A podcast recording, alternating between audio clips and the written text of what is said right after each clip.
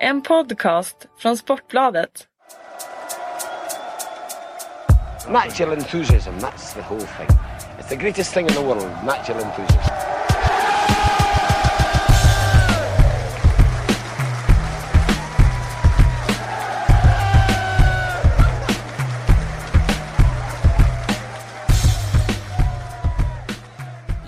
Hjärtligt välkomna ska ni då vara till eh, Sportbladets Premier League-podd eh, denna torsdag i slutet på oktober. Vi har börjat eh, ta oss en, en rejäl bit in i säsongen nu. Det känns bra, det känns som att vi eh, har lite substans i det vi säger och inte bara spekulerar.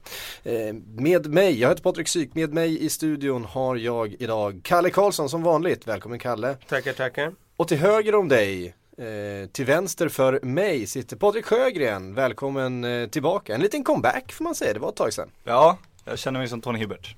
Jag har lika bra teknik. Du är ju vår ton Tony Hibbert. Tack. Men om, eh, Tror jag. om, om Sjögren är vår Tony Hibbert, Kalle, vem är du då? Eh, nej, men man är ju någon avdankad eh, lirare. Vem skulle det vara då? Eh, eh, Paul Scholes kanske. Oj, oj, oj, där smickrar du dig själv i alla fall. Han, är ju, är, har ju lagt skorna på hyllan. Så att. Ja, Håller ju fortfarande. Ehm, jag, tänker inte, jag tänker inte blanda in mig själv i den här diskussionen.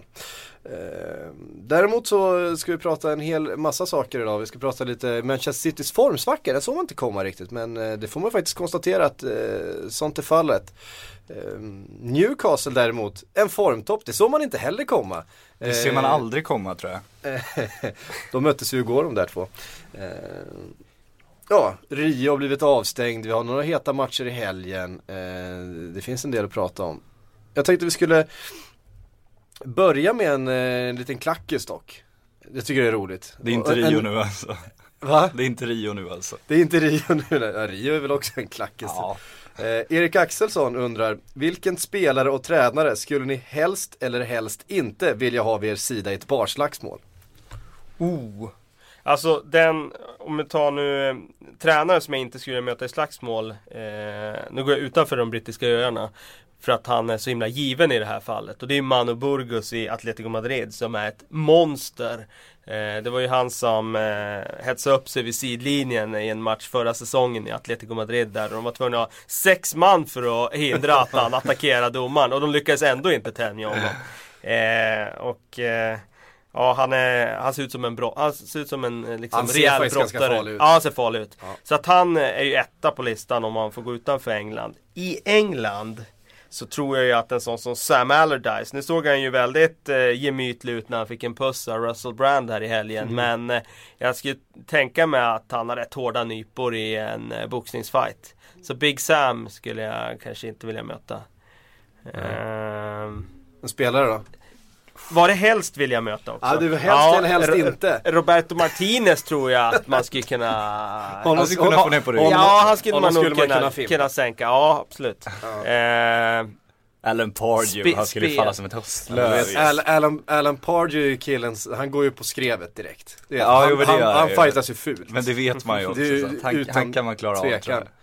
Eh, han, ju, han, han brukar ju skalla folk också. Ja, jo men absolut, men inte med sån kraft. Jag är inte imponerad av den skallen. Så att, eh, nej, han, har- han har inte tekniken inne, det ser man ju direkt. Det är skillnad på hans skallar och på ja, diverse andra skallar. Ja. De danska skallarna. Eh, Spelare. To- Tony Pulis hade man ju också kunnat tänkas vara på sin sida. Det, det är ju en hård jävel alltså. Han är inte så stor. ja, men han är en eh, ettrig. Låg tyngdpunkt. Men jag menar, du vet, han, han kommer ifrån ett, han kommer från ett stökigt område i Wales. Eh, han har ju använt nävarna förr. Han ju liksom, han spöade upp en spelare i duschen naken liksom. Alltså, den instinkten vill man ju ha på sin sida. Eh, Ja. Så är det. Wayne Rooney, fan han är gammal boxare. Ja men Joey Barton ändå, alltså han, han skulle ju slå, han skulle inte sluta slå liksom. Så han vill man ju absolut inte möta. Eh, Nej så är det ju. Eh, Wayne vet ju när han ska sluta tror jag. jag, tror, jag hade inte velat ha. Juan Mata på min sida. Det känns som en kille som viker ner sig. Ja, Ja, eh, så är det ju. Han känns inte som någon fighter på det sättet. Men frågan är, vad är det för stor skogshuggare som man eh, inte skulle vilja möta då? Eh, Oscar skulle jag vilja möta också. Alltså. Det tror jag Richard vara. Dunn känns ganska tung i en Ja, bar fight. Collins. James Collins kan nog vara rätt. Branislav tror jag också. han tror jag har i generna. Ja, Bran, Bran, Branislav skulle kunna Han kan nog slåss alltså. svinga en, eh, Ja. svinga en höger. Eh, helt klart. Ja, då var vi inne. Känner, känner ni hur vi eh, liksom fick, fick igång eh, tugget och tempot här inne? Det var skönt att du sa innan att nu har vi kommit en bit in i säsongen så vi har ganska mycket viktiga saker att prata om. Ja, Tack för det Erik. Ehm, vi eh, tar oss till Manchester City tycker jag för att jag tycker det är väldigt intressant det som har hänt de senaste veckorna där. En, en ganska uppenbar formtopp från det som ju ska vara den, eh, den självklara utmanaren till, till Chelsea där i toppen. Eh, är väl bara inom situationstecken eh, trea i tabellen efter Southampton som ju går oväntat bra. Eh, men Southampton har vi varit inne på. Vi har däremot inte pratat om den här formtoppen. Eller formsvackan tidigare. Kalle, vad, vad, vad, ser du för anledningar? Eh, känslan är ju att eh, det här blir väldigt, väldigt likt eh, Roberto Mancinis år. Alltså second season syndrome efter eh, titeln. Alltså jag såg ju framför mig hur City bara skulle bygga vidare på förra årets framgång och utmana Europa den här säsongen. Och eh, nu känns det som att eh, det finns en risk att, att de har stagnerat, att de, eh, att de har ett ålderstiget lag och att eh, på något sätt har infunnit sig någon mättnad. Eh, och att de inte kan ta fart och ta liksom nästa steg. Väldigt svårt att bedöma vad som är eh, orsaken till den här eh, plötsliga svackan nu.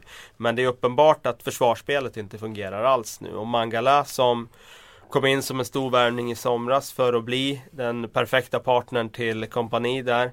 Har ju inte alls liksom övertygat de senaste matcherna.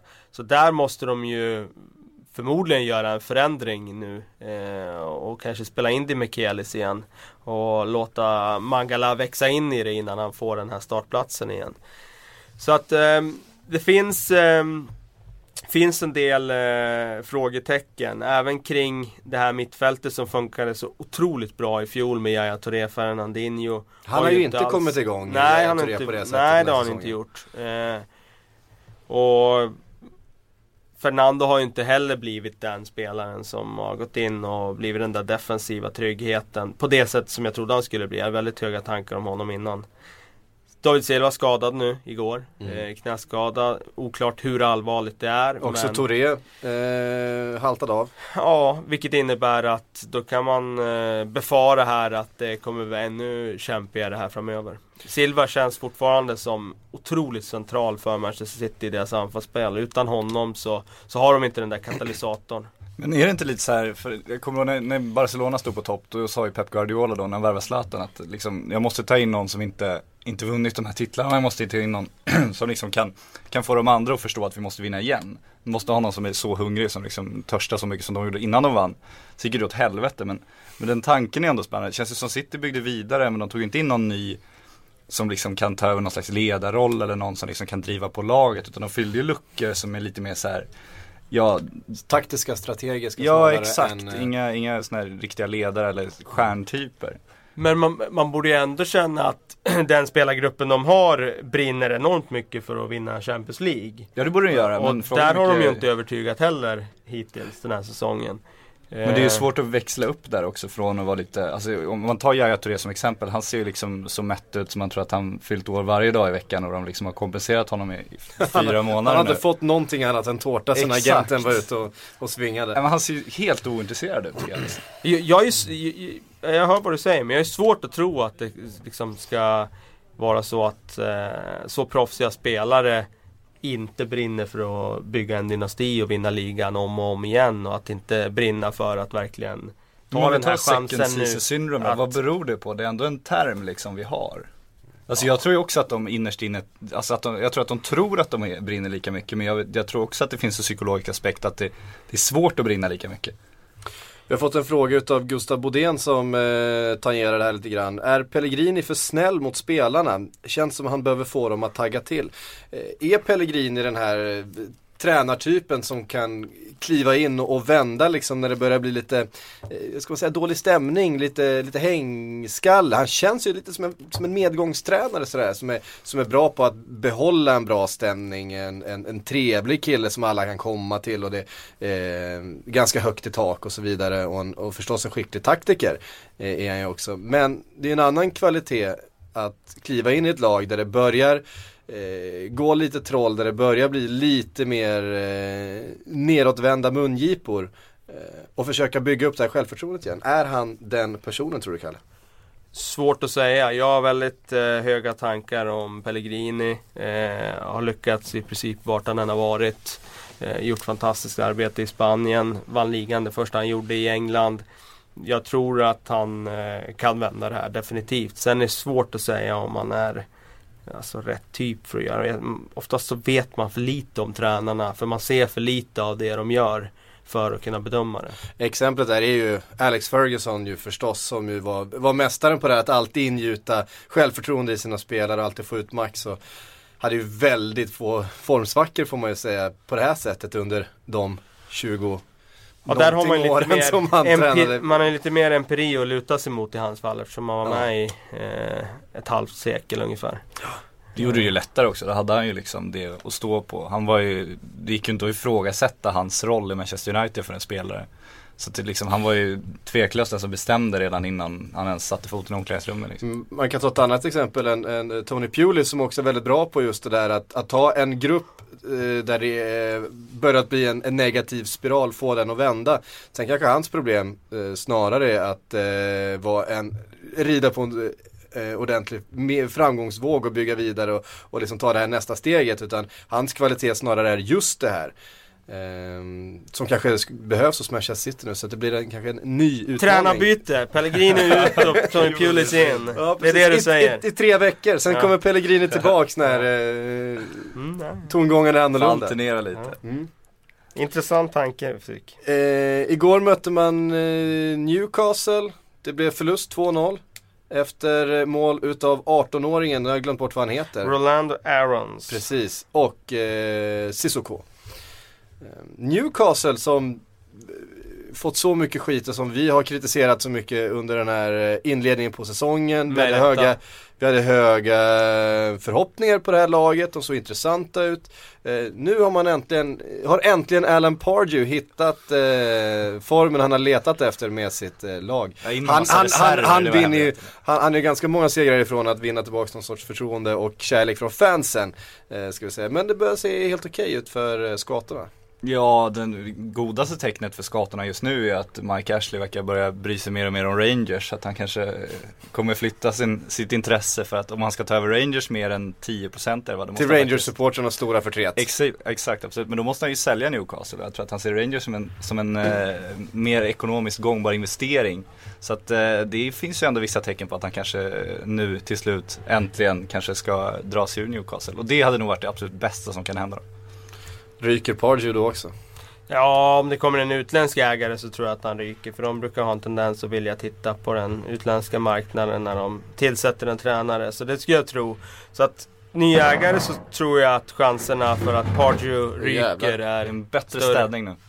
Nu städas det friskt här utanför poddrummet. Brakar rakt in i väggen där vi sitter. Ja. Ehm, nya ägare som sagt. Men vad är det som har gjort att Newcastle helt plötsligt fått lite fart under fötterna? Vände ju det här 0-1 underläget mot Tottenham i helgen också. En match som nästan så avgjord ut. Man tyckte att eh, det var så roligt för jag, jag såg första halvlek, sen åkte jag och handlade med, eh, på stormarknaden med dottern.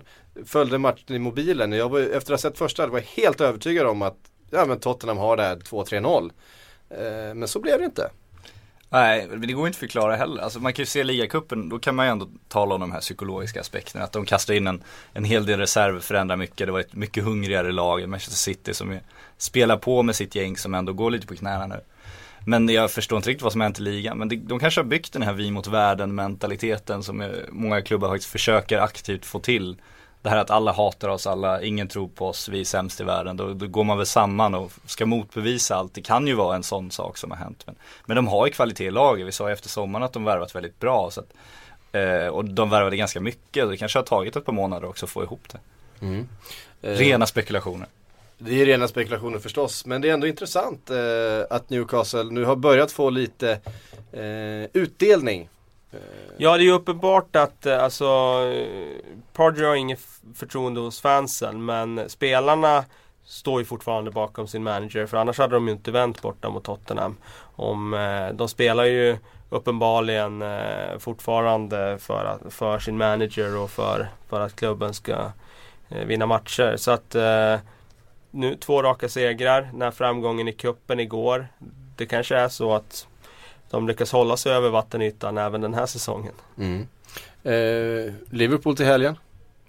Den är intressant. Det är ju eh, Det är ju nästan så att man känner att Newcastle går in lite som favorit i den matchen. Ja, det, det tycker jag ta i. be, bedömt på, på, på form just nu. en bra skrällchans kan man väl säga tycker jag. Men, men favorit skulle jag nog inte utmana, utmåla dem till riktigt. Nu när Balotelli verkar kunna göra mål igen Mm, också, ja, så. han äh, nätar ju där. Det är kul. Med tanke på hemmaplan och sådär tänker jag ju förstås också. Ja Eh, absolut, men jag har alltid sagt det om Newcastle. Ska man spela pengar ska man välja alla andra lag än Newcastle. För att det är liksom, det är ju att köpa Ja, det går, går ju aldrig att lita på dem. Men du kan ju inte det. gå in med Nej. logik och lista ut hur det ska gå för Newcastle United. Det, det är ju bara att ge upp det liksom. Eh, så är det. Glädjande igår också, Ryan Taylor. Kommer ni ihåg honom? Det Ja, var, det var, det var ett tag, två år har han varit borta med dubbla korsbandsskador va? Eh, gjorde alltså sin första, sin första A-lagsmatch sedan 2012. Och var dessutom väldigt, väldigt bra. Eh, kanske bäst på plan. Vilket är en fantastisk bedrift såklart och jätteroligt. Spelskicklig mittfältare som eh, har väldigt mycket i sig. Eh, var väldigt bra före sin skada. Eh, så väldigt kul om han kommer tillbaka nu. Mm. Ehm, en av de mest otursförföljda spelarna förstås de senaste åren, dubbla korsbandsskador. Det är inte, det är inte alla som ens kommer tillbaks från det. Eh, det ska bli intressant att se vad han kan ställa till med. Eh, Manchester City, vi, vi återvänder lite till, till dem och deras formsvacka så har de ju en intressant match till helgen också. Nämligen Manchester United. Det känns som Manchester United har lite skrälläge. Om vi säger att Newcastle har skrälläge med sin form så har United kanske skrälläge då mot eh, Manchester Citys svaga form. Absolut, och man kan ju se det som någon slags mardröm för City att åka dit. Samtidigt så kan det ju vara en dröm också. Om de, om de lyckas komma igång nu och slå United, bara rida på den vågen, en stor derbyseger liksom. Det är ju det som kan vända en sån här situation. Så att det är väl eh, plus och minus där. För då får Jaja fan sluta äta tårta och se till att jogga igång lite om han är hel nu. Ehm, vad tror du om Manchester-derbyt? Eh, Finns det någon hemmaplansfördel i, det här, i ett sånt här derby eh, tror ni? Det är ju på Eastlands Citys hemma. Ja, det finns det ju definitivt. Det är klart att det är en fördel att vara, vara hemma i en sån match. Ehm, nej, alltså med Citys svaga form, med Uniteds eh, lovande insats mot Chelsea så känns det ganska öppet. Men det är klart att City på hemmaplan är favorit till att vinna. Men United jublar ju såklart efter eh, matchen igår. Och med dels då att City återigen eh, inte lyckades vinna. Att eh, den här känslan av att de är i en riktig formsvacka och att spelet inte stämmer. Att den känslan byggdes på igår. Och plus då att David Silva, deras kanske viktigaste spelare, eh, inte kommer vara med i helgen. Det är klart att det var en bra dag för United. Eh, Det blir spännande på söndag. Vi, eh, vi lämnar Manchester City, Newcastle matchen och de eh, formbeskeden där och sen så eh, tar vi ett helt annat formbesked, nämligen Rio Ferdinand. Eh, som nu har åkt på tre matchers avstängning och dessutom eh, hyfsade böter ändå. 25 000 pund, tror 25 jag. 000 pund, det är inte snutet i näsan även om man är För han är det det, För, för Rio Ferdinand så är det ju inte några jättesummor förstås men eh, för att ha använt ordet, nu ska jag se, nu måste jag läsa här. Ehm, Skett. skett mot en person på Twitter. Ja, Det är tre matchers avstängning tydligen. Patrik, du som, eh, du som är down with the British Down kids. with the British kids. eh, Jag har gjort min förkla- research förkla-. Förklara skett. Även om man googlar skett och får en eh, definition på det så är det alltså Caribbean term for a superho. Okej. det är fantastiskt. Men det är helt, vad är det för mor- moralpanik liksom på Premier League-kontoret? Ska han få tre matcher för att, alltså okej det är dumt av honom att skriva det här som man gjorde som en hashtag till en person som skrev att QPR borde köpa en vettig mittback. Då, då tröttnade uppenbarligen Rio Ferdinand och skrev typ att ja vi kastar in, rimlig- rimlig kastar in din mamma, vi, hon kommer göra det bättre, skett liksom. Det är ju jättedumt att göra. Men vad fan, om de ska börja med någon slags moralpanik nu, ska, ska de inte stänga av Ryan Giggs då? För att han liksom, han har ju gjort moraliskt betydligt mer tvivelaktiga saker när han liksom ligger med sin brors fru. Ska Premier League in där då liksom för att han är en dålig förebild? Hur många matcher ska han få då? Ska han stängas av ett halvår då? Och liksom vad ska John Terry, hur länge ska han överleva då? Fan Steven Gerards bristande musiksmak, vad fan säger honom fyra säsonger då? Det är ju bara galenskap. Och sen ska Rio nu gå någon slags så här uppförandekurs nu hos Premier League också, vilket ju roar mig något oerhört. Premier League som alltså en underorganisation till Fifa kan man ju säga. Så jag hoppas att Sepp Blatter kliver ner själv och, och håller i den uppförandekursen med gode Rio.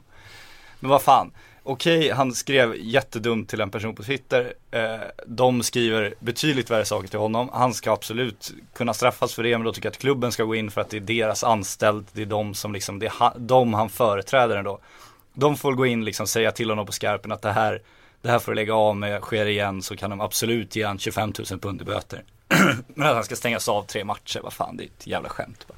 Ja. Ja, tre matcher känns, eh, det känns aningen hårt. Det är ganska uppenbart att Premier League eh, vill stämma i bäcken och eh, sätta ner foten när det gäller alla nya sociala medier och att spelarna ska tänka efter en, två och tre och fyra gånger innan de överhuvudtaget skriver något. Jag tror det är det de, det måste vara det som är syftet med det här att eh, oavsett vad det är eh, så kommer det vara extremt hårda straff för att göra eh, snedsteg i sociala medier. Det verkar vara budskapet och jag tycker det är såklart är eh, alldeles för mycket att bli avstängd tre matcher för det här. Man kan gå till, hade det här hänt i någon annan liga?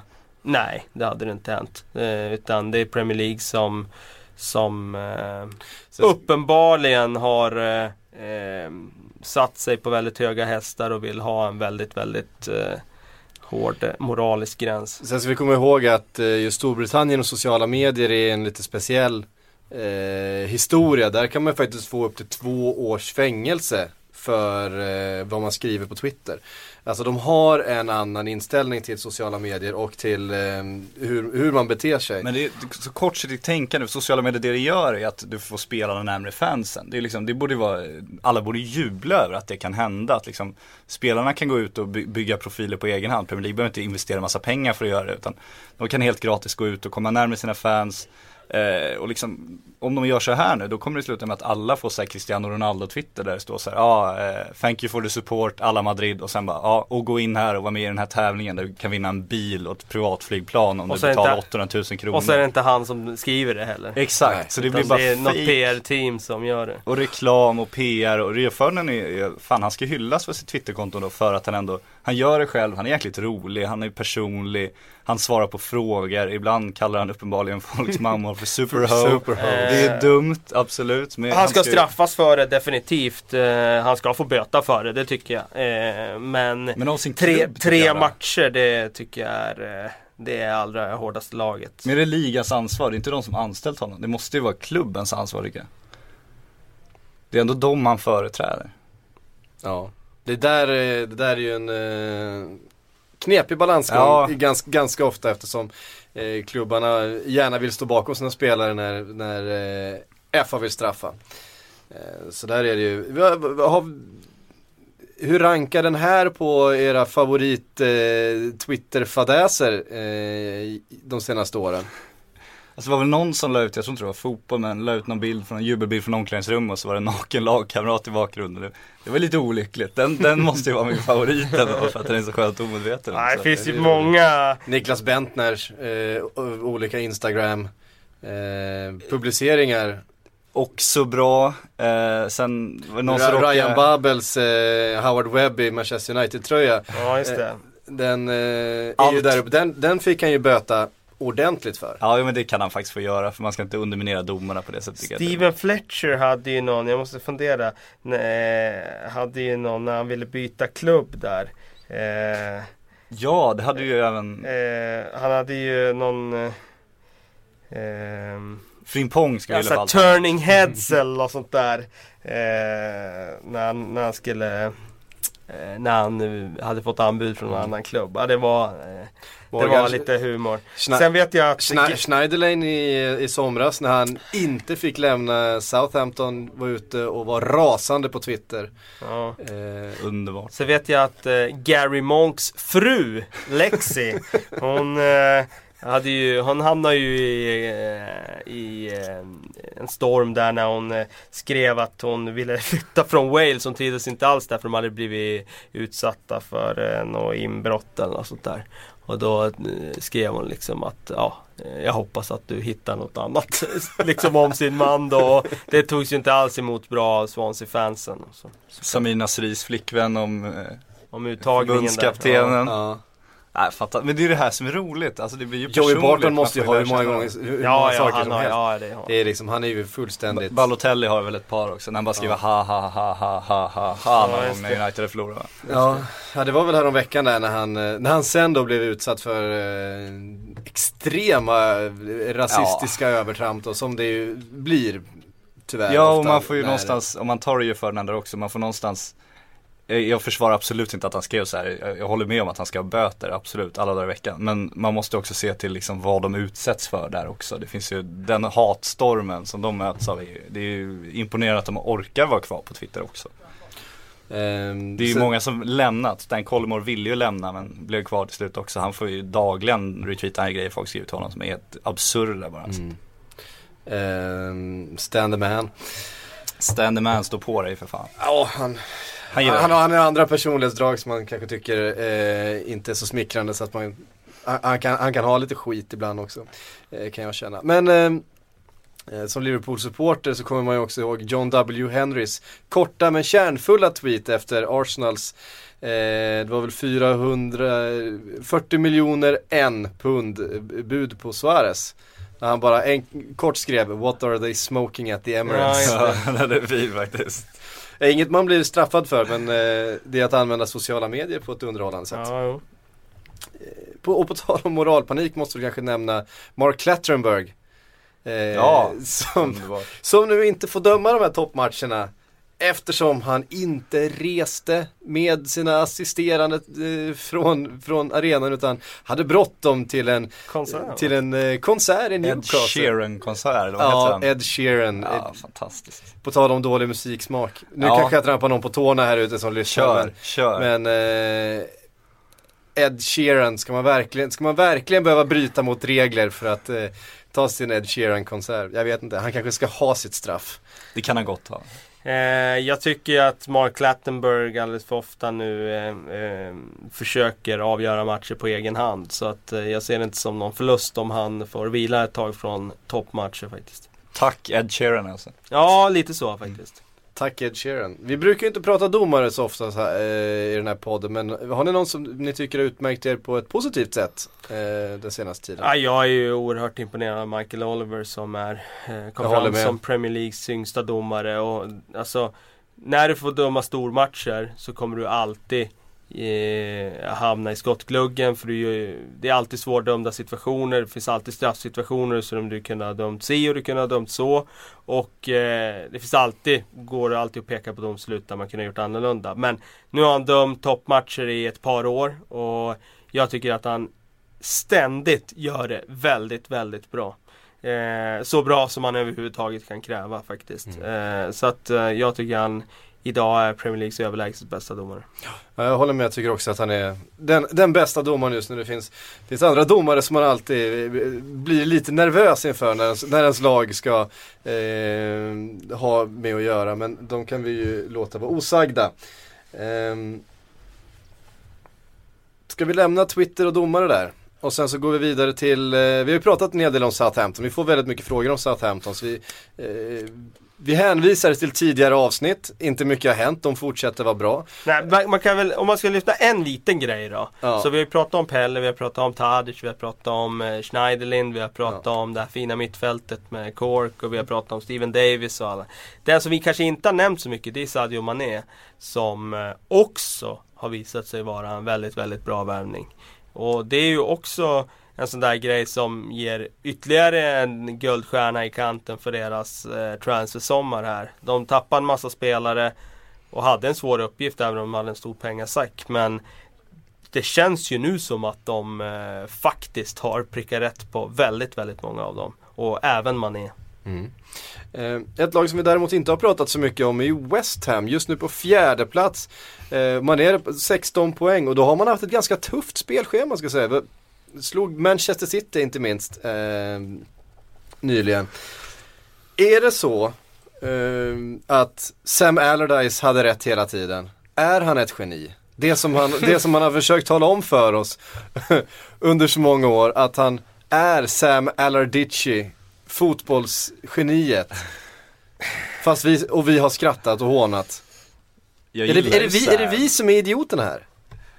Ja, det är vi ju. Nu är vi ju det. Det är ju bara att kolla på tabellen. Varsågod Sam. Så jag har ju alltid gillat Sam på det sättet att, eh, alltså han var i Blackburn. Ja. Eh, de var bra eh, under den tiden. Eller de var så pass bra som man kan kräva av ett lag som inte hade speciellt stora resurser. Han gick därifrån. Det blev katastrof. Eh, han var i Bolton. Eh, de var otroligt bra. Eh, överträffade alla förväntningar man kan ha på en sån klubb. Han gick därifrån. Det var inte alls lika lätt att, att, att sluta lika högt upp i tabellen. Det han har gjort i West Ham är ju att han har lyft upp dem till högsta ligan. Eh, han har eh, lyckats hålla kontraktet eh, intakt. Och han har i och för sig gjort det med en enkel, banal spelfilosofi. Men samtidigt så har han gjort det utifrån den eh, typ av plånbok som han har haft att röra sig med. Det de har gjort nu är ju att de har, eh, han fick ett krav på sig att han skulle eh, spela mer attraktiv fotboll. De har värvat utifrån det. Och eh, lyckats få eh, sådana fullträffar på transfermarknaden så att de, det har varit möjligt att lägga om spel, spelsättet. Och det har de gjort väldigt, väldigt bra. Sen att de har fått in en Alexson som liksom bara jackpot-spelare så. Det är klart att det har bidragit till att de eh, har eh, alltså gått så här bra som de har gjort. Det tror jag inte de hade gjort utan honom. Men eh, ja, det är bara att imponeras av, av deras scouting. Men det är väl lite spännande för det känns som, eh, alltså de flesta brittiska managers nu är ju, pratar ju ofta med en viss bitter ton om att de aldrig får chansen i de största brittiska lagen för att där vill ju ofta ta ut managers från andra länder. Och det kan väl också bero på att när, du, när liksom City ska leta efter en ny tränare, Chelsea ska leta efter en ny tränare, då letar de efter den här offensiva tränaren, den som liksom bevisat att de kan den sortens spel. Och får du inte chansen i topplag i England då kan du omöjligt som engelsk tränare spela en offensiv fotboll i stort sett för att de, de bästa lagen är så överlägsna. Så då blir det ju de som liksom fått chansen i Portugal och i den typen av lag. Det är de som fått chansen i Spanien i den typen av lag. Så det går ju inte för brittiska managers egentligen att komma till de största klubbarna. Då är det ju spännande om Big Sam nu får både mandat och resurser och, och liksom försöka spela den offensiva fotbollen alla, alla vill. Det är kanske det han velat bevisa själv också hela tiden men inte riktigt fått chansen. Mm, och sen blev ju David Moyes eh, erfarenheten också att eh, det underbygger bara det du säger. Alltså där hade du en tränare som ledde en klubb på ett visst sätt, skulle ta steget upp till en större klubb och det var uppenbart att han inte var kapabel att, att, att greja det. Eh, det finns eh, absolut en poäng i det du säger.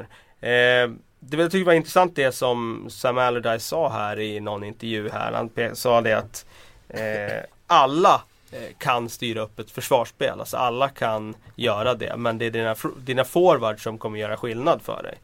Och ja, den tesen går ju definitivt att applicera på West Ham. För att försvarsmässigt har det ju inte hänt så mycket. Visst, de har fått in Aaron Cresswell som vänsterback. Han har varit väldigt, väldigt bra. Men rent defensivt vet jag inte om han är så mycket bättre än, än de som tidigare varit där. Offensivt är han ju avsevärt bättre. Han är ju riktigt, riktigt vass offensiv. Eh, eh ett riktigt fynd faktiskt. Till höger har Jenkinson, ja, han har varit bra liksom men det är inte någon större skillnad på, på det försvaret de har. Men den stora skillnaden det är ju att de har två anfallare som verkligen, verkligen hotar motståndarna och sträcker dem i djupled på ett sätt som West Hams anfallare inte har gjort tidigare. Och Andy det, Carroll låg inte på rullen. Nej, han gjorde ju inte det. Det blev ett väldigt förutsägbart och, och rakt spel med Andy Carroll. Och det hade sina fördelar absolut. Men det innebar ju att de hade Kevin Nolan som nummer 10-spelare. Han var ju den minst delaktiga tian i hela Europa skulle jag säga. Alltså han, han, eh, hans statistik var eh, alltså häpnadsväckande. Man kan inte slå så få passningar om man spelar som nummer 10-spelare.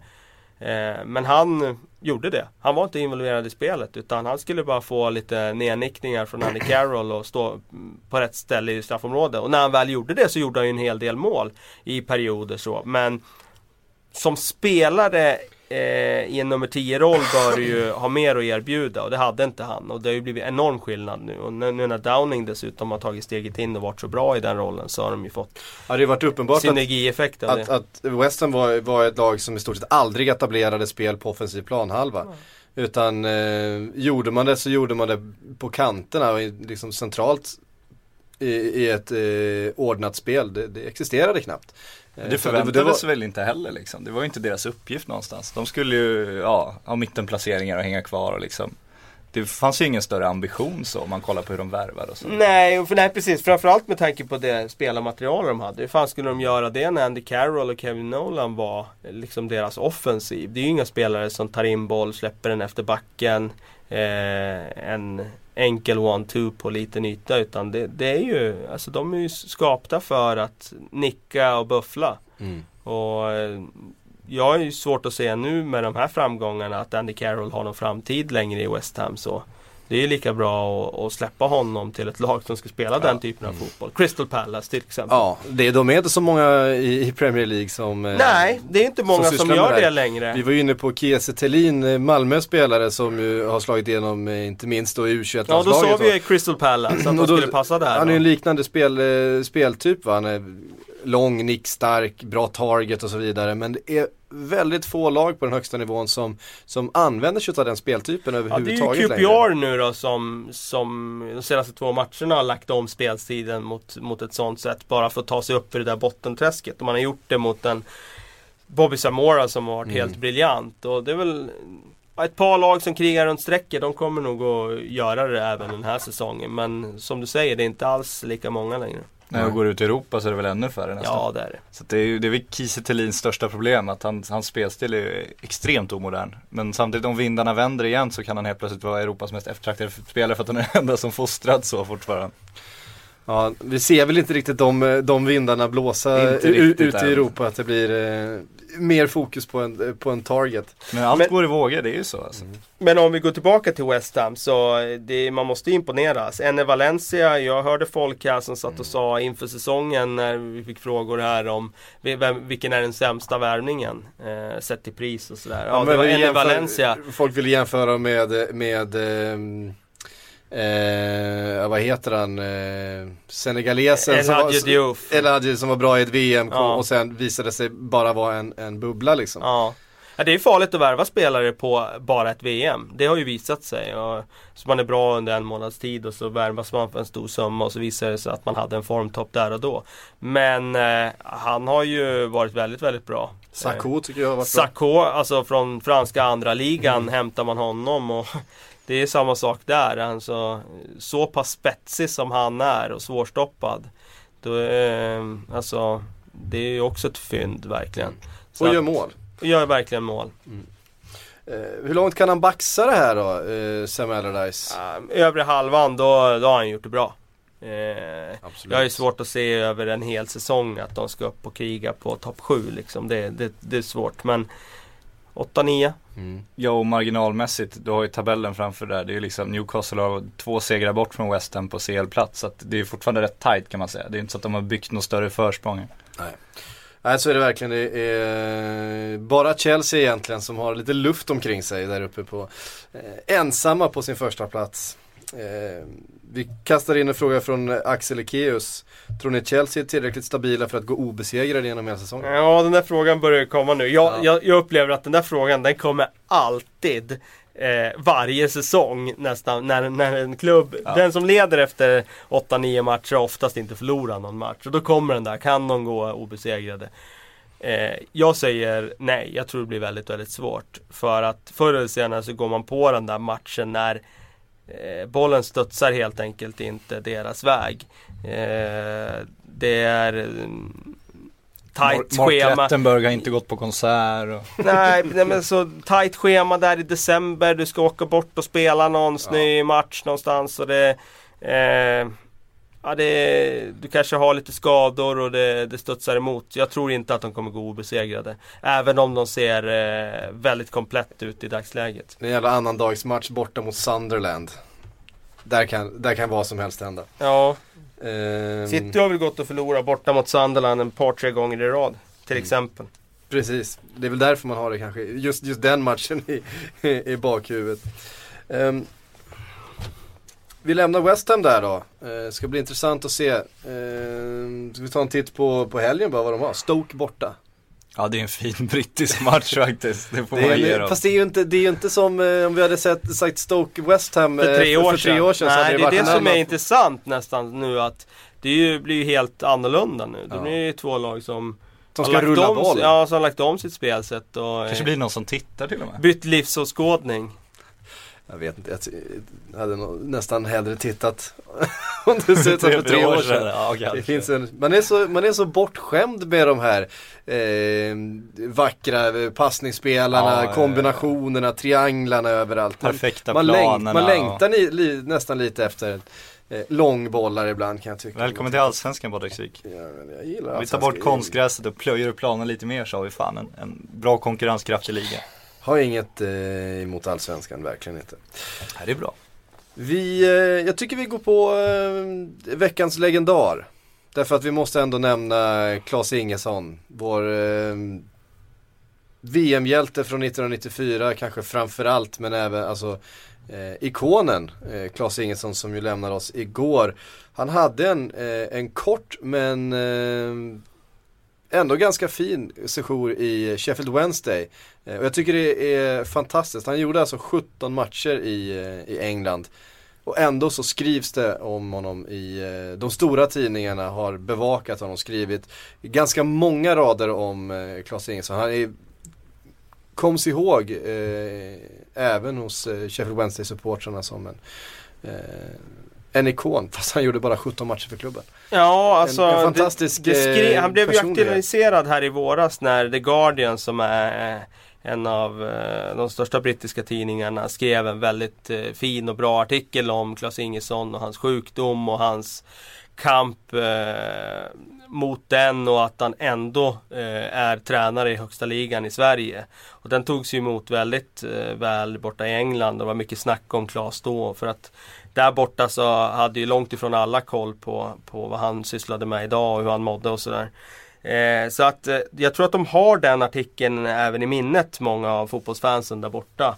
Eh, och nu kom det här väldigt plötsligt och även om man inte hade eh, kanske eh, en så lyckosam period i eh, Sheffield Wednesday där. Han var där i två år och eh, han var, lyckades avsevärt bättre i Italien under sina år där. Så kommer de ändå ihåg eh, Klabbe för hans eh, krigarhjärta och för hans eh, inställning på planen.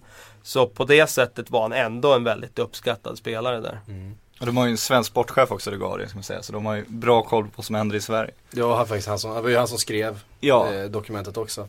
Men det är ju också med Ingesson, det är ju liksom urtypen av spelare som, som alla älskar att ha Och liksom. som man tar, och som man tar, tar till sig. Ja exakt, han, liksom, han går ut och bara skogshuggar stilen och kör järnet varje match med den där styrkan, det drivet och allting och liksom Skulle ju aldrig klaga på någonting i, i världen på det sättet så att det är även fast han inte var så lyckad på planen tror jag ändå att de kommer ihåg honom som liksom, det är ingen spelare du går och irriterar dig på på något sätt. Det är lätt att gilla honom. En eh, fantastisk figur för, förstås för svensk fotboll. Eh, men om vi, vi nu ska eh, ha Claes Ingesson som vår, som vår legendar i det här avsnittet. Då ska, då ska vi sätta in honom i ett modernt sammanhang. Vilken Premier League-klubb eh, hade behövt en Claes Ingesson från sin storhetsdagar? Nej idag? men jag tänker sån här, eh, alltså från sin storhetsdagar, då tänker jag ju på han i Italien och då hade ju väldigt många klubbar eh, kunnat behövt honom. Men jag tänker, en klubb han skulle kunna passa väldigt bra i, det är ju som Crystal Palace, där är ju en spelare som Mile Jedinak Lite lik Klabbe tycker jag, otroligt stor krigarhjärta men kan samtidigt spela också. Eh, och han är ju nyckelfiguren i Crystal Palace så att, eh, att ha två Mile Jedinak, alltså en Klas Ingesson och en Mile Jedinak på det mittfältet. Då skulle de vara väldigt, väldigt svåra att bryta ner tror jag. Mm. Han är, alltså, om man kollar på hur han var så är det en ganska modern spelare idag. Alltså, hans sätt att spela skulle passa rätt bra. För alltså, det, fotbollen har blivit så sinnessjukt mycket mer fysisk. Mm. Det är ju liksom 100 meters löpare och rena atleter på fotbollsplanen. Om man jämför med 94 då det faktiskt fanns utrymme för lite primadonner som gillar, gillar samba och har fönsterplats på flygplanen och så vidare. Som inte behöver träna så jäkla hårt. Men han var ju riktigt så här fysiskt praktexemplar med det rycket och den kraften och allting. Så jag tror också han skulle passa i rätt många lag. Mm. Ehm, um, det säga tack till Tim Johansson också som föreslog eh, det här på Twitter att vi skulle hedra Klabbe genom att eh, ha honom som vår legendar idag. Eh. Getting engaged is a moment worth cherishing. A one-of-a-kind ring that you design at Blue Nile can help your love sparkle. Just choose your diamond and setting. When you found the one, you'll get it delivered right to your door. Finding the right engagement ring can be nerve-wracking. At Blue Nile, you'll have the expert guidance needed and a diamond guarantee that ensures you're getting the highest quality at the best price. Cherish all of life's moments and save up to 30% at BlueNile.com. That's BlueNile.com.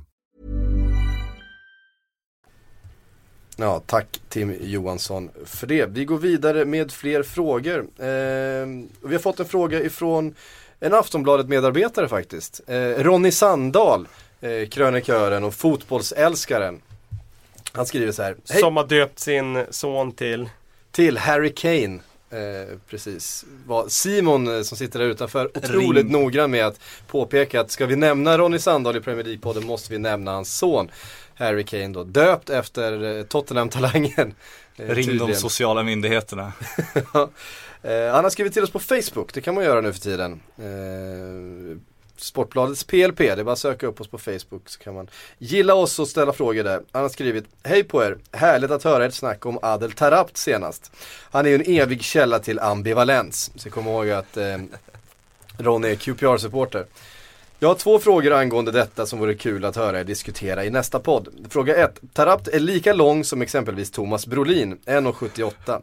Men väger 11 kilo mer, än vad, alltså 85 kilo, än vad Brolin gjorde under sina glansdagar, 74 kilo. Hur bra skulle Tarapt kunna vara om han vägde 74 kilo istället för 85? Världsklass! Och sen inom parentes, om vi räknar in att han får en ny hjärna också.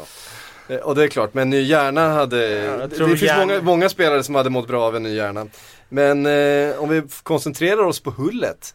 Ja. För det har ju varit uppe på det tapeten. Det hänger ihop lite grann det där. För att få en ny hjärna så tror jag att han skulle att han kunna hade... bli av med hullet också. För då skulle han vara mer fokuserad på fotbollen än vad han kanske har varit. Och mer inställd på att han måste vara professionell. Eh, jag tror att han skulle kunna erövra världen om han hade haft alla bitar på plats, inklusive hans huvud då, som han inte haft på plats. Eh, för att i fötterna så är han eh, i klass med de allra bästa skulle jag säga. Han är, eh, och det är inget som jag bara säger, utan jag tycker verkligen är det. Alltså det, eh, det han kan göra med en fotboll, det är i klass med vad Ronaldo och Zlatan och de gör. Sen eh, har han många andra bitar som, som gör att han inte har lyckats. Och det, det är han inte ensam om. Det är ganska många spelare runt om i världen som, som har det ena men som inte har det andra. Och det är det som gör fotbollen som så underbar och till en komplex sport. Att det, det är svårt att, att, få alla de där bitarna på plats. Så jag har svårt att se att eh, det bara är liksom, att han skulle gå ner i vikt. Det, det, det, är klart att då skulle inte Harry kunna liksom, sitta och oja sig över att han inte är fit enough. Men eh, han skulle kunna springa mer och, och, jobba hårdare men det räcker inte i hans fall. Han skulle behöva eh, ha en mental styrka som han aldrig har haft. Det är ju det som är så sjukt. Det går inte, det var ju Rekoba som kom liksom hela vägen på bara talang och hata att träna. Men det funkar inte riktigt. Det så, då måste du ha en sån extrem jävla talang. Och man ser ju också hur hans inställning till det hela när, när Rednap skäller ut honom offentligt. Hans första reaktion är liksom inte så här, nu jävlar ska jag liksom visa honom, nu ska jag bli superfit, nu ska jag verkligen ta över och övervisa utan hans första reaktion är ju att ringa Daily Mail var det väl och säga ja kom hit och ta bilder på mig utan tröja så jag kan liksom ge igen. Och sen kommer Tony Fernandes, ägaren och, och tar bilder på sig själv utan tröja och skriver redo för villa på, på Instagram, vilket han ska hyllas för. Han hade några fler extra kilo, han kanske var dagens Thomas Brolin.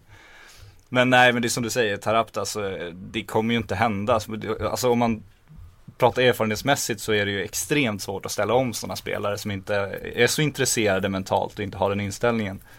Det är vissa som det har gått hyfsat för som de ändå fått ordning på men jag tycker det är imponerande hur United har hållit Wayne Rooney i schack till exempel under alla år för han har ju haft eh, diverse signaler att han har varit på väg ut för men de flesta går ju inte för och där är ju Balotelli ett sånt exempel också. Han undrar man ju verkligen om om han kommer bli liksom den man alltid kommer jämföra sådana här problembarn med. En sån, sån här extrem talang men han har ju också mentala bitar som inte alls är där. Mm.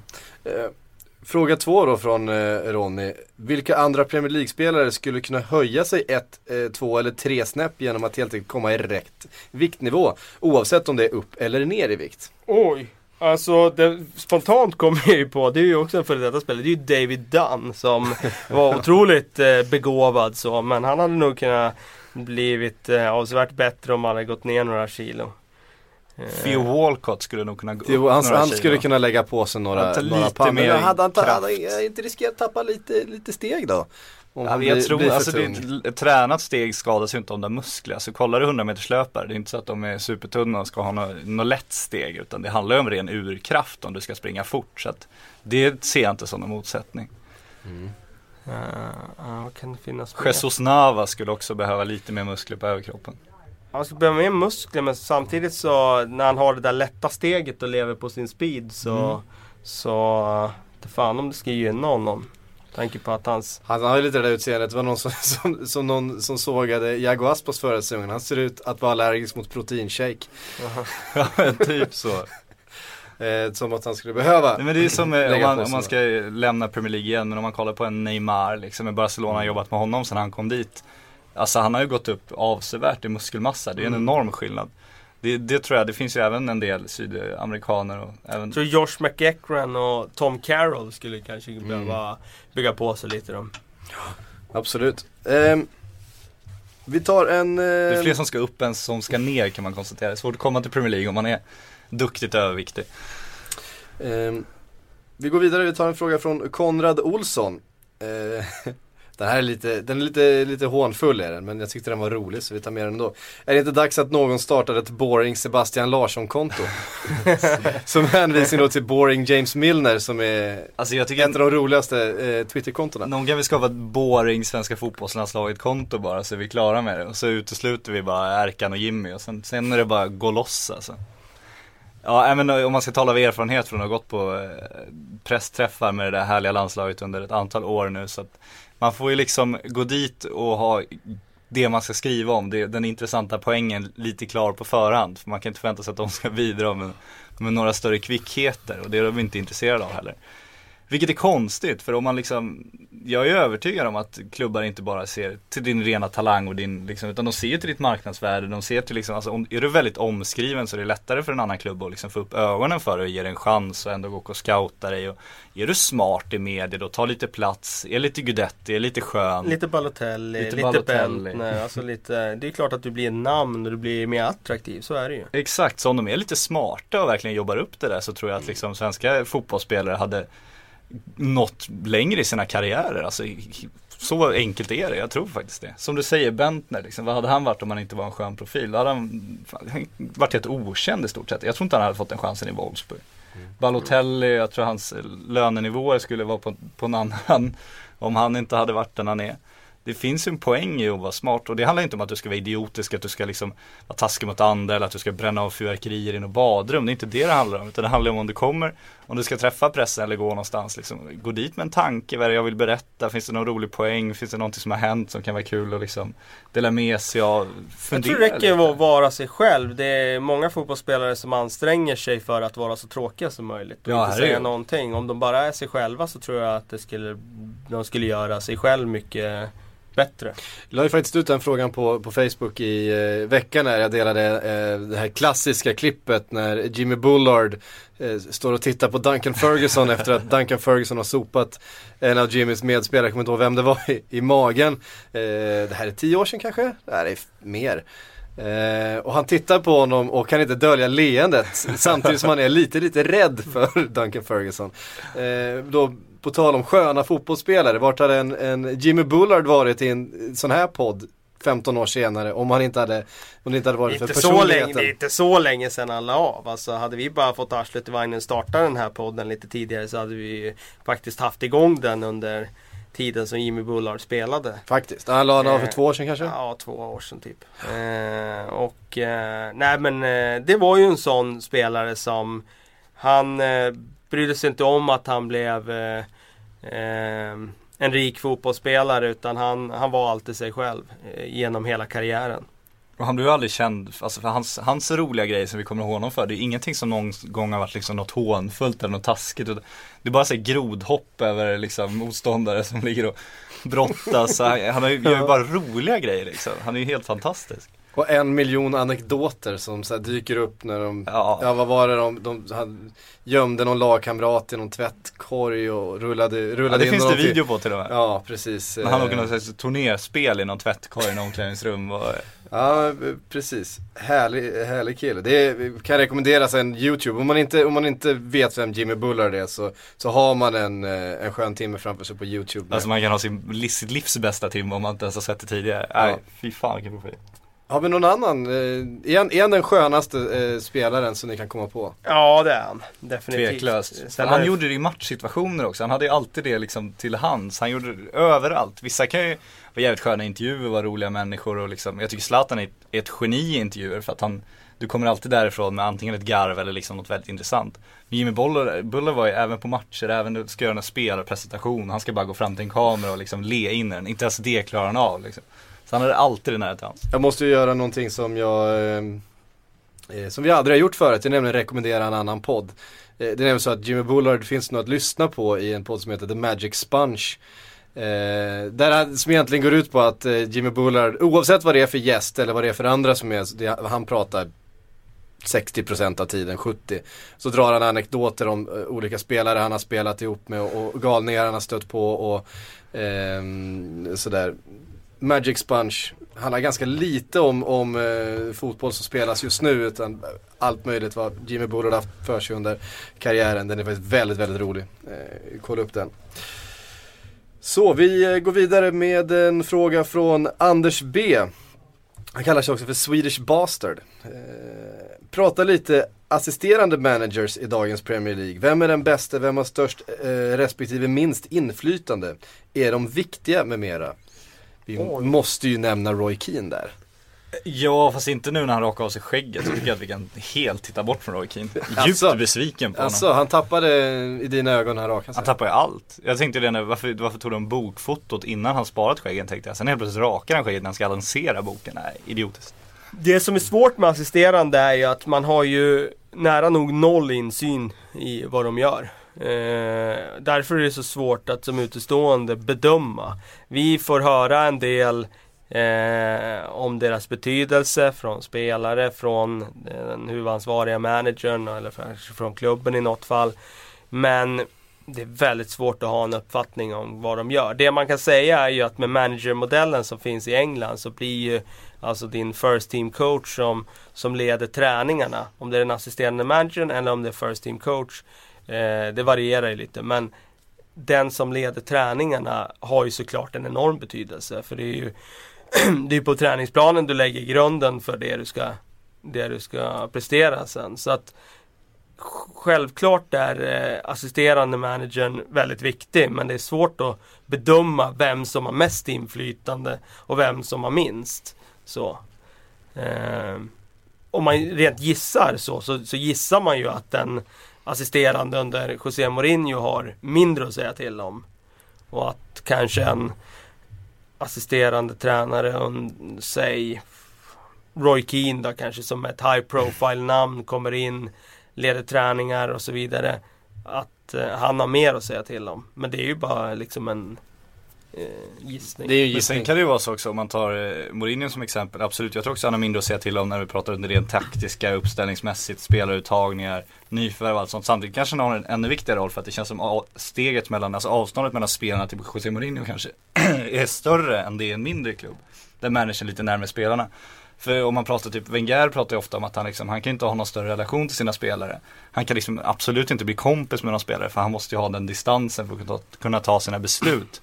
Och det finns ju någonstans resursmässigt större, i ett större större klubb känns det som avståndet kan bli större och då blir ju liksom tränaren viktigare. Det tryckte ju Ferguson också på att Moyes misstag var ju att han skickade ASS-tränaren där och tog in sin egen staff. För att han tyckte att eh, ASS-tränaren då hade, han hade ju den kontakten med spelarna. Han var så viktig, han var så otroligt bra liksom i samtalet med spelarna så att han hade en sån viktig roll i United. Så det finns ju, jag gissar ju nu också, jag vet inte exakt hur det fungerar där. Det pratades ju om att de under de sista eh, åren i Manchester United under eh, Sir Alex Ferguson att den assisterande eller teamet helt enkelt hade, hade väldigt stort inflytande. Att eh, Sir Alex själv var ganska trött, inte orkade vara så deltagande på träningarna, inte var så engagerade. Det var liksom få ma- det till det själva vid, vid matchtillfället som, eh, ja de ville ju framförallt få det så när när David Moyes kom in och bytte ut hela det gänget så eh, Men det är ju Ferguson också, han är ju en stolt herre men han har ju också sagt att de var extremt viktiga liksom. Vilka hade vi där då? René Muhlenstein bland annat. Mike Phelan och René Muhlenstein var Ja. ju hans assisterande då. Eh, Inte karriären som riktigt har flugit sen. eh, nej, det eh, gick ju till Fulham då. Och, det är ju egentligen Kiros där flera gånger, omgångar också va? Ja, precis. Jo. Steve McLaren tidigare och sen Carlos Queiroz i ett par omgångar. Men Mike Phelan har ju varit under ganska många år under Ferguson. Var ju. Han har ju inte visat något intresse verkar det som för att köra någon egen managerkarriär. Jag tror inte han är riktigt någon manager heller. Han passar nog bra som andra man. Ganska gött jobb andra mannen också. Ja. Alltså om du är riktigt fotbollsnördig, du är ändå den som har alla träningar och allting men du behöver liksom inte vara den som ställer dig framför kamerorna eller framför fansen utan du, du lever ju lite anonymt ändå. Så är det. Ehm, Svante Aleblad undrar, eh, Fertongens ständiga deppiga ansiktsuttryck, vad beror det på? Känns som ett problem döljs. Eh, och nu kanske jag ska, nu vädrar jag kanske lite fördomar här, men kan det inte bara vara att han är belgare? Sådär ja. Ja, det var fördomar. Kan du få utveckla? Nej men jag, när du säger deppig fotbollsspelare, jag tänker ju såklart då på Juan Roman Riquelme. Han eh, såg ju alltid sorgsen ut när han spelade genom hela sin karriär. Men herrejösses vilken underbar fotbollsspelare. Ja. Så att även om man ser sorgsen ut så kan man ju ändå leverera glad fotboll. Ja. Eh, nu är det inte sagt att kanske att Fertongen levererar glad Nej, fotboll. det, det, nej, det, Eh, Överstegarnas mästare, Jan Fertong. Precis. Marcus Romberg vill att vi ska tipsa eh, och det här får ni hjälpa med alltså. Eh, kan ni tipsa om läsvärda fotbollsbiografier? Eh, Sir Alex och Roy Keane är ju givna. Tony Adams, Gascoigne. Alltså generellt ska man ju akta sig för fotbollsbiografier. Det är bättre att läsa böcker skrivna av författare eller journalister om fotbollsspelare tycker jag. För alltså om man tar Wayne Rooney hade väl, han skrev väl ett kontrakt där han skulle göra sex biografier eller sju eller vad fan det var under, under tio år. Två första sålde väl okej, sen var det slut på historier. Så ingen, av- ingen av de andra har ju sålt. Man måste ju fortsätta skriva skiten för att han liksom har det här kontraktet. Så att det känns som de flesta gör ju det där för att bara de ska casha in liksom. Nu kommer ju Suarez biografin också. Jag undrar Ja. om han kommer avslöja så jävla mycket egentligen. Men, eh, nej, men jag har nog en annan bild av det. Du tog ju extremexemplet där med Rooney. Det har väl inte Självklart. blivit helt lyckat så. Men de eh, jag läst som eh, Steven Gerrard och Rio Ferdinand och, och så vidare. De tycker jag har eh, gett en inblick i eh, såklart eh, inte så mycket som man kanske vill alla gånger men ändå att eh, bara få läsa med deras egna ord och lite anekdoter från när de växte upp och sånt där. Nej men jag gillar det. Jag gillar dem. Men det som är märkligt tycker jag, till exempel, men ta Steven Gerrard till exempel. Hur gammal var han när han skrev sin Ja, det- de biografi? Han var ganska 24 ung. Ja. kanske. Han ska hinna göra ett par till i det. Ja men han liksom eh, vad, vad blir det för värde liksom i en, i en eh, sån bok när en 24-åring sitter och berättar om sin då, karriär som har pågått i, i fyra år. Då. Ja, nej det... Eh, Ja, Det är ju det här jag menar också, jag tror inte så ofta att det är deras egna ord heller. Utan allt är ju väldigt tillrättalagt och det är någon annan som ordnar det där. Jag tror inte att de lägger sin, sin själ och energi i det där heller. Det gjorde ju Zlatan, det, det har man ju förstått och då blev det jävligt bra. Han vågar ju öppna dörrar som ingen han, hade satt, öppnat han har ju också heller. lagt en ny ribba för vad en, vad en eh, fotbollsbiografi och en självbiografi kan, kan vara. Ja, och han är ju sån Eh. tävlingsidiot så att när han skrev en bok skulle den också bli bäst i världen. Sen skrev han det väl inte riktigt själv heller, men även fast han själv nu, numera Nej men uttrycker att sig de så. skriver den själv, det, det förstår man ju att de inte gör. Men att det är deras ord så, det, det går ju igenom i Zlatans bok. Ja, men, ju där, men absolut. det, De det tycker jag det gör jobbar i Gerards bok också. Alltså det känns ju som att det är som att han eh, berättar liksom sin story. Eh, sen om man gillar det eller inte. Jag är ju en sucker för självbiografier oavsett om det är fotboll eller om det är förut framgångsrika människor inom andra branscher. Så jag gillar ju det. Så att eh, för min del så gillar jag även biografier när det gäller fotbollsspelare. Jag är mest bitter på att inte alla lägger, lägger den tiden och energin som Zlatan faktiskt gjorde. För man vill ju ha när allt, kom, man När kommer Joey lilla. Bartons egenskrivna självbiografi då? Eh, den tror jag skulle, han skulle ha för hög, sitta på alldeles för höga hästar, vara så pretentiös att jag skulle kunna, det skulle inte ens gå att läsa liksom. Han, eh, han svingar ju ganska hårt där efter VM, var det efter VM 2006 där? Han eh, svingar hårt mot de spelarna, han raljerade ju över mot de spelarna som skrev böcker då. Eh, I played shit, go read my book typ. Eh, eh, det var, ja, hans, eh, så att eh, det skulle vara kul om han själv skrev en bok nu när han är lite så här på, på dekis själv i QPR. Men han har det i sig, det får man ju, det, det är Ja ju men där den man spelare som faktiskt, som, som bok. faktiskt hade kunnat skriva en, en själv utan att använda en spökskrivare eller Det hade Som kanske så- blivit så jävla bra men han har ju självförtroende nog i, eh, i sitt, han har, han har förtroende i sitt eget intellektuella kapital för att ta sig an den uppgiften och, och, och skriva en 300-400 sidor om sitt eget liv. Och sen Eh, dum nog att inte censurera den också. Ja, den hade ju absolut inte varit censurerad. Nej, Han har ju fortfarande ju- kallat eh, tonåring som man misshandlar utanför McDonalds för en, för en jävla idiot Ja, liksom. Och, ehm, det var väl inte så länge sedan som han kommenterade ett annat fängelsestraff. Ah, I, I slapped uh, an, some, some cunt around outside of McDonalds liksom. Någon, så jag fick sitta i fängelse liksom. Och- jag menar, jag menar, har man sett dem, ja det är ju Han är ju, han, han, är, han är inte riktigt, han är inte riktigt eh, närvarande i sin psykopatiska drag får man väl ändå sträcka sig till och våga säga skulle jag vilja påstå. där finns ju en historia som är extremt, jag menar han har en bror som sitter inne i Mm. livstidsfängelse för, för mord. Ja. Ehm, jag menar det, det finns en otroligt spännande historia kring Joey Barton och hela hans uppväxt och hans Och det finns en anledning till att Joey Barton Eh. är Joey Barton också. Ja. Eh, Så man hade ju verkligen velat läsa historien om hans liv. Men man kanske hade velat att någon annan skrev den. Eh, för att få en lite mer balanserad ja. bild. Så var det med det. Tipsa gärna om andra, är det någon annan fotbollsspelare som ni skulle vilja skulle vilja få en, en, en bra, en bra eh, biografi av? Men Balotelli alltså, det är klart att det vore kul att han, om han skrev en bok och berättade om, om allt som, som, som vi vet och som vi inte vet. Framförallt det kanske. Eh, med egna ord, någon gång i framtiden. Någon gång i framtiden. Bentner. Bentner, herregud, absolut. Han det känns som allting är berättat. Det kan liksom inte vara, det kan inte finnas någon så här oberättade historia. Alltså där. man vill ju veta hur de här människorna tänker i de här sjuka situationerna. Det är ju, det är ju där någonstans man vill in. Man fick väl en liten inblick i Oasis-intervjun där som eh, Balotelli gav. Där han ändå fick liksom, liksom förklara hur fan han tänkte när, när hans kompisar står och bränner av fyrverkerier i hans badrum. Det är d- dit man vill komma liksom. Hur resonerar en sån människa? Vart är konsekvenstänket? Fast ju en svensk eh, fotbollsmålare spelar superettan. Klassisk historia som eh, fick ledigt från klubben två veckor hade han semester. Så kom han nu- Sebastian Karlsson. Ja du kör namnet nu, bara köra. Ja men tre veckor för sent, tre, fyra veckor för sent och så bara, ja, vad har du gjort då? Så jag hade ingen riktigt bra förklaring. Sen dyker han ju upp i The Bachelor på TV. och Har så, gått till final där typ. exakt, han gick lite för långt där så han är inte tillbaka i klubben. Så får vi ringa honom då och så bara, men, men nu tänk, tänkte du att de inte skulle få reda på det? Liksom, hur resonerar du? Du är ändå med på TV. Så här, Ja men det där, det där med konsekvenstänk, det, det har liksom aldrig riktigt varit min grej. det där älskar man ju. Det är sådana människor man vill läsa mer om. Ja, verkligen.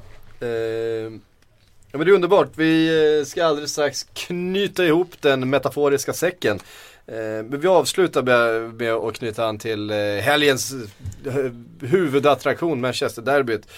Emil Manninen undrar, förutsatt att Carrick är i matchform och att Rooney är hel, hur skulle ni formera Uniteds diamant på mitten mot City? Kalle? Jag är inte så säker på att de kommer spela diamant. Jag tror att de kommer spela ett 4-2-3-1 som de spelade i senaste matchen. Eh, och eh, den enda egentligen förändringen jag skulle göra där det är att plocka bort eh, Juan Mata. Med Fellainis form nu så har han förtjänat att fortsätta i startelvan. Han har gjort två bra matcher i rad här. Och vart placerar du honom? Som mittfältare bredvid, Bredvid Da- Da- Carrick. Daley Blind. Bredvid Daley Blind? Ja. Eh, backlinjen skulle vara intakt. Eh, och eh, Van Persie var bättre senast än han var tidigare under säsongen. Janusaj var bra. Eh, Di Maria får väl utgå från höger eh, igen. Ehm, ja, nej. Och Rooney som tia då. Rooney som tia ut med Mata. Ja, vi får se ifall du får rätt. Och vi får se hur det går. Visar sig. Tack Kalle, tack Patrik för att ni eh, dök upp här idag. Eh, tack eh, kära lyssnare. Vi är tillbaks om en vecka igen. Tills dess finns vi på Twitter och också på Facebook. Eh, som vanligt. På återhörande.